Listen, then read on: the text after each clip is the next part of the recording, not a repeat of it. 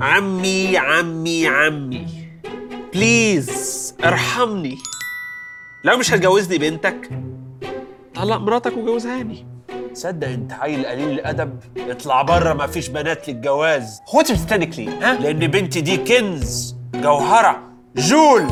مش هفرط فيها ابدا. تصدق وتأمن بإيه؟ انت راجل امعه يا رب ما تلاقي لها جواز. أنا امعه هلاقي لها على فكرة. البلد فيها أكتر من مليار شاب مش متجوز. وتقريبا مش فاضل إلا بنتي. عريس رقم 200 ألف شباك بيتنا معلش يا عمي أنا رقم 300 ألف. عادي ولا فيها مشكلة؟ خلاص اقعد ما شاء الله يا ما شاء الله يا ما شاء الله. بص إحنا مش هنلاقي لابننا أحسن من بنتكم. بص إحنا مش هنلاقي أصلا. أنا بدور له على عروسة من وهو في بطني. الحقيقة يا امي عفريت. مهندس معلش اصله يا حبة عيني أول مرة أشوف بنت. لا لازم تتعود عليها بقى. احتمال تبقى مراتك. بص يا حاج من غير لف ويطير. بنتك هنحطها في عينينا لا أنا بنتي ما تقعدش في عينين حد بنتي تقعد في فيلا. بنتك يا عمي أنا هعملها زي ما حضرتك بتعملها. بالظبط. يعني هتنكد عليها وتنتقد كل تصرفاتها وتحرمها من المصروف حتى أنت يا حاج طلعت أبي يوسف تك حد يدسك. أهم حاجة هتضمن لها حياة كويسة. بيني وبينك أنا داخل مشروع أنا وابن عمي هنساعد الغريب. أنا أخلف ولد وهو يخلف بنت. والولد ده يجيب ولد تحتيه والبنت تجيب بنتين وتعملوهم شجرة. لا يا عمي ده عشان يتجوزوا بعض ونضمن لهم جوازة. زي كيو نت كده بس هو بقى عاملها كيوبت. بص أنا هحكي لحضرتك حكاية. من سنين السنين كان في ديناصورات وطائر الدود وكان في برضه النمر القزويني والماموس الصوفي. أصبح انه ما عادش في أكل ما عادش في شرب. فين الديناصورات؟ وحتى أنا يا أمي كلمته قلت له ما يصحش كده. أيوه يعني أنت عايز إيه؟ أنت عايز إيه؟ جوزني بنتك. عشان اسمي ما انقرضش زيه عشان ما يجيش صاحبي متجوز كمان خمسين سنة ويحكي حكايتي. شوف يا ابني أنا بقابل عرسان كتير قوي والحقيقة ان عمر ما حد أثر فيا زي الفيلم ده. كل مرة أعيده وكل مره البطل يموت. واتاثر قوي. عشان كده أنا موافق. بجد؟ أخيرا أخيرا أخيرا.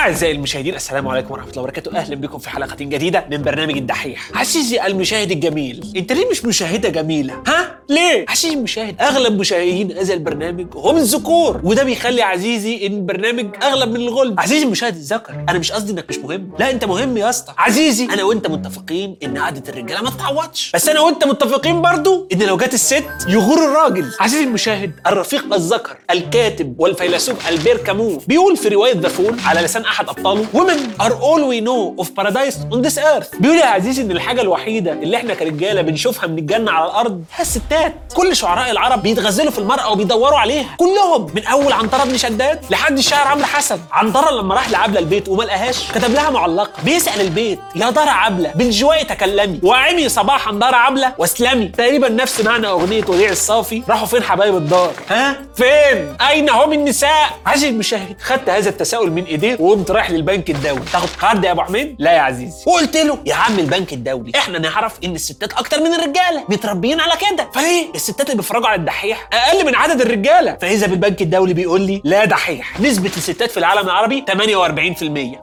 أنت خضتني يا بنك. عزيزي هناك 4% فرق بين الاناث والذكور. يا نهار أسود. أكن الحقيقة اللي تربينا عليها إن الستات أكتر من الرجالة. غلط. في العالم العربي. عزيزي أنت عارف إن أنا شخص critical بيشك في أي حاجة. قلت يمكن فرق ال 4% في الوطن العربي ده عشان العمالة الوافدة اللي بتيجي من غير عائلتها فدولة زي السعودية بتبقى نسبة الستات فيها 42% الكويت 39 عمان 34 الإمارات 30 قطر 24% تخيل يا عزيزي ثلاث ارباع البلد رجالة. طبعا يا عزيزي لو ثلاث ارباع البلد رجالة حاجة لطيفة لو إحنا رايحين نتخانق. بس إحنا يا عزيزي عايزين نتكاثر. ربع البلد بس ستات. بس يا عزيزي هي أكيد العمالة الوافدة. قمت رايح للبنك الدولي وقلت له يا بنك يا دولي. مش نسبة الستات في العالم. أكتر من الرجالة؟ وإذا بيه بيقول لي لا يا ابو حميد. لا في إيه يا بنك؟ برضه الستات أقل. في العالم الرجاله أكتر من الستات؟ يا نهار اسود! يا نهار اسود! الستات راحوا فين يا عزيزي! الكلام اللي بتقوله ده مش منطقي أيها البنك الدولي. إزاي هذا الكلام يكون صحيح والرجاله بيشلفطوا بعض؟ أغلب اللي بيتقتلوا في حوادث عنف رجاله أغلب اللي بيموتوا في الحروب رجاله. أغلب اللي بينتحر الرجاله. اكشلي الستات بتحاول أكتر. بس الرجاله بتنجح الضعف. إحنا أيها المشاهد الجميل كرجاله شاطرين جدا في قتل نفسنا. بارعين. ورغم كل ده. برضه الستات أقل. الحقيقة أيها المشاهد الجميل إن الحقيقة اللي متربيين عليها غلط. العالم فيه ستات أقل. وده يخلينا نسأل أين ذهبت النساء؟ عزيزي المشاهد الجميل إيه أكتر حدث في تاريخ العالم قتل بني أدمين؟ ممكن يا عزيزي تقول لي الحرب العالمية الثانية. إجابة كويسة جدا. فعلا الحرب العالمية الثانية قتلت في بعض التقديرات أكتر من 60 مليون بني آدم. بس في حدث أكبر. ممكن تقول لي التوسع المغولي. بس هو برضه في أعلى التقديرات قتل 60 مليون بني آدم. ممكن تقول لي الإنفلونزا الإسبانية اللي عصفت بأوروبا والعالم 1918 وفي أعلى التقديرات قتلت 100 مليون بني آدم. بس الحقيقة عزيزي إن أكبر حدث قتل ناس كان إبادة جماعية. إبادة مش بتحصل للمسلمين مش بتحصل للتوتسي ولا الروهينجا. أكبر إبادة جماعية حصلت كانت للبنات. في كتاب Unnatural Selection الكتاب الحائز على جائزة البولتزر الكاتبة مارا فيستندال بتقول إن في أكتر من 160 مليون بنت المفروض كانوا يبقوا موجودين وسطنا في قارة آسيا بس مش موجودين. في 160 مليون بنت العالم فقدهم. وقعوا كده من جيب العالم. الله! راحوا فين دول يا أبو حميد؟ فين البنات دي يا أبو حميد؟ انت والله يا عزيزي خليني أحكي لك على واحدة من أبشع الإبادات الجماعية اللي حصلت في تاريخ البشرية واللي جذورها كانت في الستينات. جاهز؟ يلا بينا. في سنة 1968 اتنشر كتاب ذا Population بوم واتكلم هذا الكتاب عن الانفجار السكاني اللي هيحصل لو العالم ما تصرفش في 1972 طلع نادي روما بتقريره اللي شعل الدنيا أكتر وأكتر. يا جدعان في أزمة سكانية هنتلط فيها كلنا. واللي جاي فقر أكتر وحروب أكتر. وخناقات على المية والأرض والموارد. طبعا يا عزيزي العالم سمع ده اتوتر جدا. وبدأ يبقى في حركة تجاه إن إحنا يا جماعة محتاجين نعمل أسر أصغر عشان الكثافة السكانية. فتلاقي مثلا أفلام الكرتون ديزني. عملت فيلم اسمه Family Planning وهذا الفيلم اترجم 24 لغة. بطولة دونالد داك كالعادة. الحقيقة عزيزي إن أنا شايف إن دونالد داك أحسن واحد يعمل هذا الفيلم. مش لأنه بيعمل دايما بروباجندا ديزني ولكن لأنه شوف ماشي ورا ديزني بقاله كام سنة. بتاع يجي 100 سنة. وهي ولا معبراه. غالبا لا هيتصاحبوا ولا هيتجوزوا ولا هيخلفوا. فده أحسن بطل لل Family Planning single ودونالد كان بيبيض الفيلم يا عزيزي كان واضح جدا في رسالته الناس هتفضل تكتر وده هيبهدل الكوكب ويبهدل الأطفال. المشكلة دي ما كانتش في الغرب يا عزيزي. في مشكلة واضحة وليها حل واضح. وبدأ العالم يبص للصين بنظرات كده اللي هي من تحت لتحت. وقتها كانت الصين أكبر شعوب العالم. ولا زالت. عارف يا عزيزي النظرة بتاعت اللي هو انت تخنانة شوية يا صين؟ اللي انت عمال تبصها لي من أول برنامج؟ خلاص يا عزيزي الله. كنت في أجازة. كلش فيه خيار كنت باكل fried chicken والصين كأي شخص insecure عملت زي كده بالظبط. أنكرت. اللي هو لا يا جماعة أنا مش تخنانة. ده تعداد سكان plus size curvy تخيل يا عزيزي حتى الدول عندها stretch marks والناس بتنتقدها عليه. اليوم الصين بصت لهم كده قالت لهم كل واحد في حاله. مالكمش دعوة. وكأي شخص insecure برضه. الصين بدأت تعمل diet بس diet شعبي. وبالفعل في سنة 1980 ينطلق برنامج ال one child policy اللي بقى نص دستوري سنة 82 كل أسرة مسموح لها تخلف طفل واحد بس. بس طفل واحد. واحد يقول لي طب واللي ما يسمعش الكلام يا أبو حميد؟ بس انت يا عزيزي انت في الصين. ما يسمعش الكلام بيتعرض للعقاب. انت عارف العقاب بتاع الصين ها؟ انت عارف الصين صح؟ تعرفش. أهلا بيك. بصراحة عزيزي ما أعرفش بدقة تفاصيل العقوبات كانت إيه ودايما ده الحال لما بنتكلم عن الشأن الداخلي في الصين ولكن يبدو إنه خليط بين الغرامات الثقيلة والإجبار على تنظيم النسل والتعقيم القسري. يا لهوي! أه يا عزيزي ال diet الصيني ما فيش فيه يوم ارحميني عارف يا عزيزي الحكومة الصينية نفسها بتقول في تقرير نقله Business Insider إنها لحد 2013 ركبت للستات 400 مليون لولب اللي هو أداة منع حمل وانها في حوالي 40 سنة من تطبيق سياسة الطفل الواحد حصل فيها أكتر من 330 مليون عملية إجهاض وأكتر من 195 مليون عملية تعقيم. غالبا كان قسري يا نهار أبيض يا أبو حميد. الأرقام دي تخش لها في نص مليار بني آدم. عزيزي المشاهد الحكومة الصينية بتقول إنها منعت وجود 400 مليون بني آدم لكن الأرقام الحقيقية تتجاوز ال 550 مليون بني آدم. أنت متخيل ارقام أنت هنا الحرب العالمية الثانية بتتكلم في 60 مليون بني آدم الانفلونزا الإسبانية 100 مليون بني آدم كحد أقصى. المهم يا عزيزي هذا النظام عليه خلافات ومناظرات كتير وأنا شايف إن هو يستحق يتعمل لوحده عنه حلقة. هو على كل حال انتهى على الورق سنة 2015 وفي خلافات بقى. ناس تقول لك إن هو ده النظام اللي عمل المعجزة الاقتصادية الصينية. وخلت الصين النهارده تاني أكبر اقتصاد في العالم؟ وناس تانية تقول لك إن كده كده الدول مع النمو الاقتصادي عدد الأطفال بيقل. فأنت كان ممكن تقفز قفزة هائلة للأمام من غير ما تعمل دايت. هو ده اللي عملته بالظبط. على كل حال ده نقاش اقتصادي مش هنخوض فيه. اللي يهمنا إن النظام ده عمل خلل كبير في النسب الجندرية. كتير من الأسر الصينية تلاقي ده الله ده ست حامل في بنت. وإحنا مسموح لنا بطفل واحد بس. ومعلش إحنا عايزين ولد. ومن هنا كتير من الأسر لما كانت تعمل سونار وتلاقي المولود بنت تقرر تجهض وتحاول تاني. وده يا عزيزي واحد من أهم الأسباب اللي تخلي العالم بتاعنا النهارده ناقص 160 مليون بنت.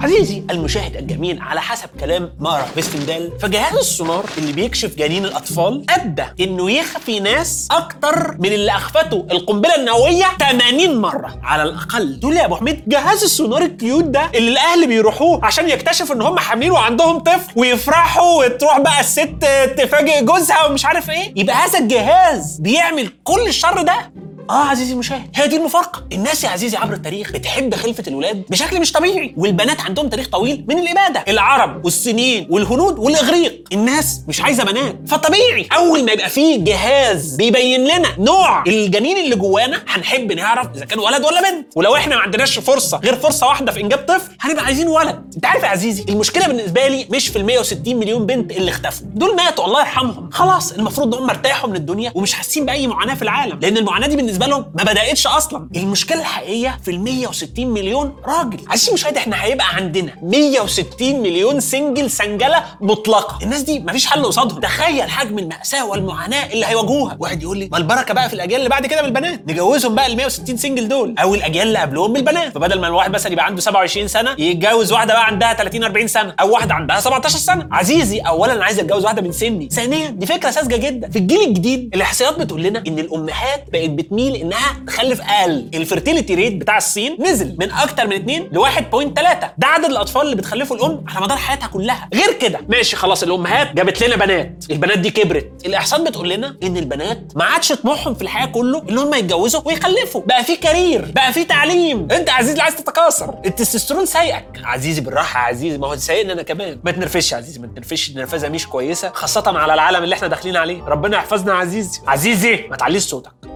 في يا عزيزي؟ ها؟ في إيه؟ انت ما بتسمعش كلام ليه؟ بتعترض على كل حاجة وعمال تقول افات مش لطيفة ها؟ ليه؟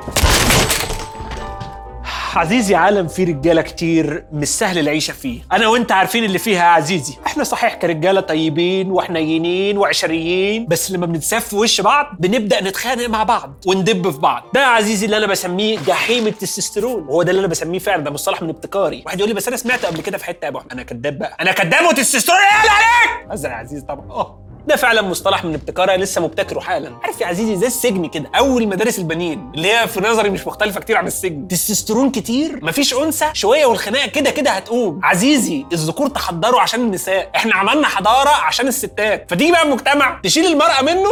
نرجع للكهف. بصراحة يا عزيزي الموضوع ده مش من ابتكاري قوي يعني. بس في زعم لا يمكن تأكيده أو نفيه عن وجود correlation ارتباط بين هرمون الذكورة التستوستيرون والعنف. مش بالظبط كده. اكشن يا عزيزي التستوستيرون ما بيخليش الرجالة أكثر عنفا ولكن بيخلي الرجالة العنيفة أكثر عنفا. مثلا في 2007 لو تتذكر. فاكر مصارع ال suplex وال boom slam كريس بنوا الله يرحمك يا كابتن ممدوح. فاكر يا عزيزي؟ كريس بنوا قتل مراته وابنه وشنق نفسه. لما جه الطب الشرعي لقى إن معدلات التستوستيرون في البول عنده أعلى 10 مرات من الشخص الطبيعي. يا نهار أسود. ساعتها التساؤل كان حاضر وبقوة عن العلاقة بين التستوستيرون والعنف. عزيزي خفت؟ استنى تخاف أكتر. افتكر يا عزيزي الراجل قتل مراته وابنه وشنق نفسه. خفت يا عزيزي؟ استنى لسه هخوفك. في دراسة اتعملت على 200 جندي. لقوا إن الرجالة لما بتتجوز التستوستيرون بيقل ولما تطلق التستوستيرون بيعلى. يا حفيظ. دراسات تانية بترصد correlation بين الجواز والتسامح وعدم ارتكاب جرائم من ناحية وبين التستوستيرون القليل من الناحية التانية. فزي ما تقول كده في علاقة. الجواز. تستوستيرون قليل ارتكاب جرائم أقل. ده اللي بنلاحظه. ده الكورليشن اللي بنلاحظه. تيجي تبص يا عزيزي الناحية التانية. الرجالة اللي في سن 24 ل 34 بيقتلوا أكتر ثلاث مرات من الرجاله المتجوزين. وده يا عزيزي يديك فكرة عن جزء من العالم. في 160 مليون راجل مش قادر ولا هيقدر يتجوز. جحيم التستوستيرون. يا نهار أسود يا أبو حميد. طب خلاص عايزين ستات. هنديكوا حقوقكم. والنبي تعالوا لنا. ما تسيبونا السناجر هنموت بعض.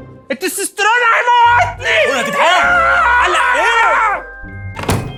عزيز تقول لي إن الدنيا هتبقى وحشة للرجالة؟ بس يا مرحب بالدلع للستات. الجماعة بتوع الاقتصاد هيقولوا لك ستات قليلين الرجالة كتير. يبقى بخت المرأة. لأن سامحيني يا عزيزتي في التعبير المرأة هتبقى سلعة غالية لأنها نادرة. وأكيد أنا أؤكد لك إن عليها طلب كبير. الحقيقة يا عزيزي وعزيزتي الكلام ده فيه شوية من الصح وشوية من أي كلام. دلوقتي المفروض البنات هيبقى عندهم فرصة أحسن للاختيار. الرجالة بقوا كتير على قفا من يشيل. تقعد بقى وتنقي براحتها. ده كلام منطقي. ولكن إحنا في هذا العصر مصطلح مصطلح ال marriage migrants اللي ممكن نسميهم مهاجرين جواز. يعني إيه؟ النهارده في دول زي تايوان وكوريا الجنوبية وسنغافوره عندهم وكالات جواز. دي زي كده ماما بس بسجل تجاري. الوكالات دي في منها اللي يروح للستات يعلمهم لغة وثقافة وبعدين ياخدهم ويوديهم أي دولة محتاجة عرايس. والعريس بقى هو اللي معاه الفلوس. فيلف ويشوف الحاجة اللي تناسبه. عزيزي كوريا الجنوبية فيها 1000 وكالة بتعمل كده. وده بيخلي 11% من جوازات كوريا الجنوبية جوازات دولية من أجانب. والنسبة بترتفع في بعض المناطق القرويه ل 40% البنات تسافر وتتجوز وتفضل تبعت لأهلها فلوس؟ بس خد بالك مش البنات هنا هي اللي بتختار وهي حاطة رجل على رجل. اللي بيختار اولا هو العريس ومين تاني؟ أهالي البنات. الأهالي هم اللي بيعملوا كده. بيشوفوا الجوازة اللي في مصلحتهم. آه البنت بتبقى السلعة نادرة بس للأسف يا عزيزي بتبقى حرفيا سلعة. والسلعة يا عزيزي بنبيعوها ونشتروها. في فيتنام العريس بيدفع للأهل عشان يتجوز بنتهم مش بيدفع مهر العروسة بيدفع لأهلها. فلوس ممكن توصل ل 10000 دولار. وده يا عزيزي أضعاف متوسط الدخل السنوي للمواطن الفيتنامي. بعض العائلات بتعمل ده في ثلاث سنين مثلا. البنت هنا بتصبح ثروة لأهلها ومش أهلها وبس لقريتها كمان. 40% من مقاطعة كانسو بيعيشوا في فقر. شديد. ولكن يا عزيزي مارا هفستندال بتقول إنها أول ما وصلت لقت قرى نظيفة مليانة بيوت ألوانها زاهية وفيها جناين مزهرة. وبتقول إنها لما وصلت مدينة تانلو بعد ساعة تقريبا على الطريق اتضح إنها أجمل قرية على الإطلاق مرصوفة بشكل حديث وبيوتها متبيضة جديد والأرض بيكسيها بلاط جميل وساحة القرية نظيفة ومحروسة ببوابات من الفولاذ رائعة. كانت بتقول إن في القرى المجاورة لتانلو في الغالب الجنان كانت بتتزرع أكل خضار يتاكل. لكن في تانلو الزرع كان للزخرفة والزينه بتحكي انها كمان لما راحت المنطقة ما كانش في ستات فوق سن ال 30 المدينة تقريبا كلها رجالة. بتحكي يا عزيزي على فرع ويسترن يونيون اللي قوم القرى والمناطق دي اللي خلاها تبقى بالشكل ده وبالجمال ده. كل ده يا عزيزي من فلوس البنات اللي كانت بتحولها لأهلها. الموضوع بقى مربح جدا. لدرجة إن إحنا ممكن نوصف القرى دي شوف التعبير الصادم بإنها مزارع للبنات. تخيل يا عزيزي البنات اللي بنجوزها لحد من بره بنكسب منها أكتر. اقتصاد البلد بقى قايم على تصدير البنات. البنت يا عزيزي بقت سلعة غالية. وكأي سلعة غالية اللي بيمتلكها بيحط عليها قيود وبيحاول يكسب منها لأقصى درجة. فحتى البنات يا عزيزي هتتبهدل. عزيزي المشاهد الجميل ممكن بعد اللي سمعته ده تقول إن دي يا أبو حميد مشكله آسيوية مركزها الصين وده الحقيقة صحيح لكن إن أنت تتخيل إن مش هيبقى ليها تأثير على العالم ده زي ما تقول كده إن الأزمة الاقتصادية مشكله أمريكية أو إن فيروس كورونا مشكله صينية. أصل معلش يا عزيزي 160 مليون ذكر لا تكاثروا ولا هيتكاثروا. يعني 160 مليون شخص محبط اللي لا شك فيه إن هيبقى فيه تستوستيرون في العالم أكتر. والله زي ما اتعلمنا التستوستيرون مش شرط يعمل عنف ولكن اللي عنده قابلية إنه يبقى عنيف هيبقى عنيف.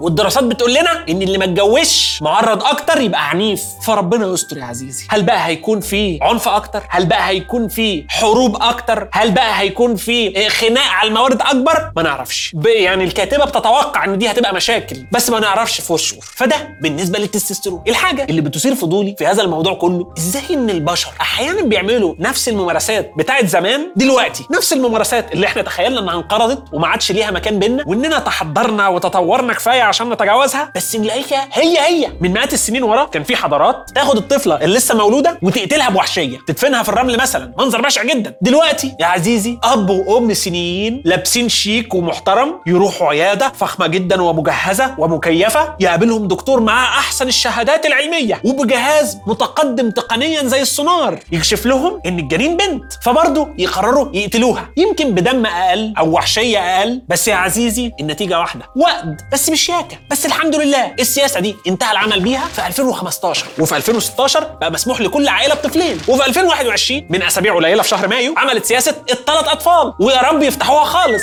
فربنا يخلي لهم الأطفال يكبروا يشوفوا الحلقات اللي فاتت ويشوفوا الحلقات اللي جاية. ينزلوا يبصوا على المصادر. ولو إحنا على اليوتيوب نشترك على القناة يا عزيزي. ولا إيه بقى؟ مش هنشترك. شكلي مش هشوف الحلقات. هشوف الحلقات ليه؟ ها؟ ها؟ شوف الحلقات. شوف الحلقات وفي الآخر بحبك يا تستوستيروني مهما الناس لموني.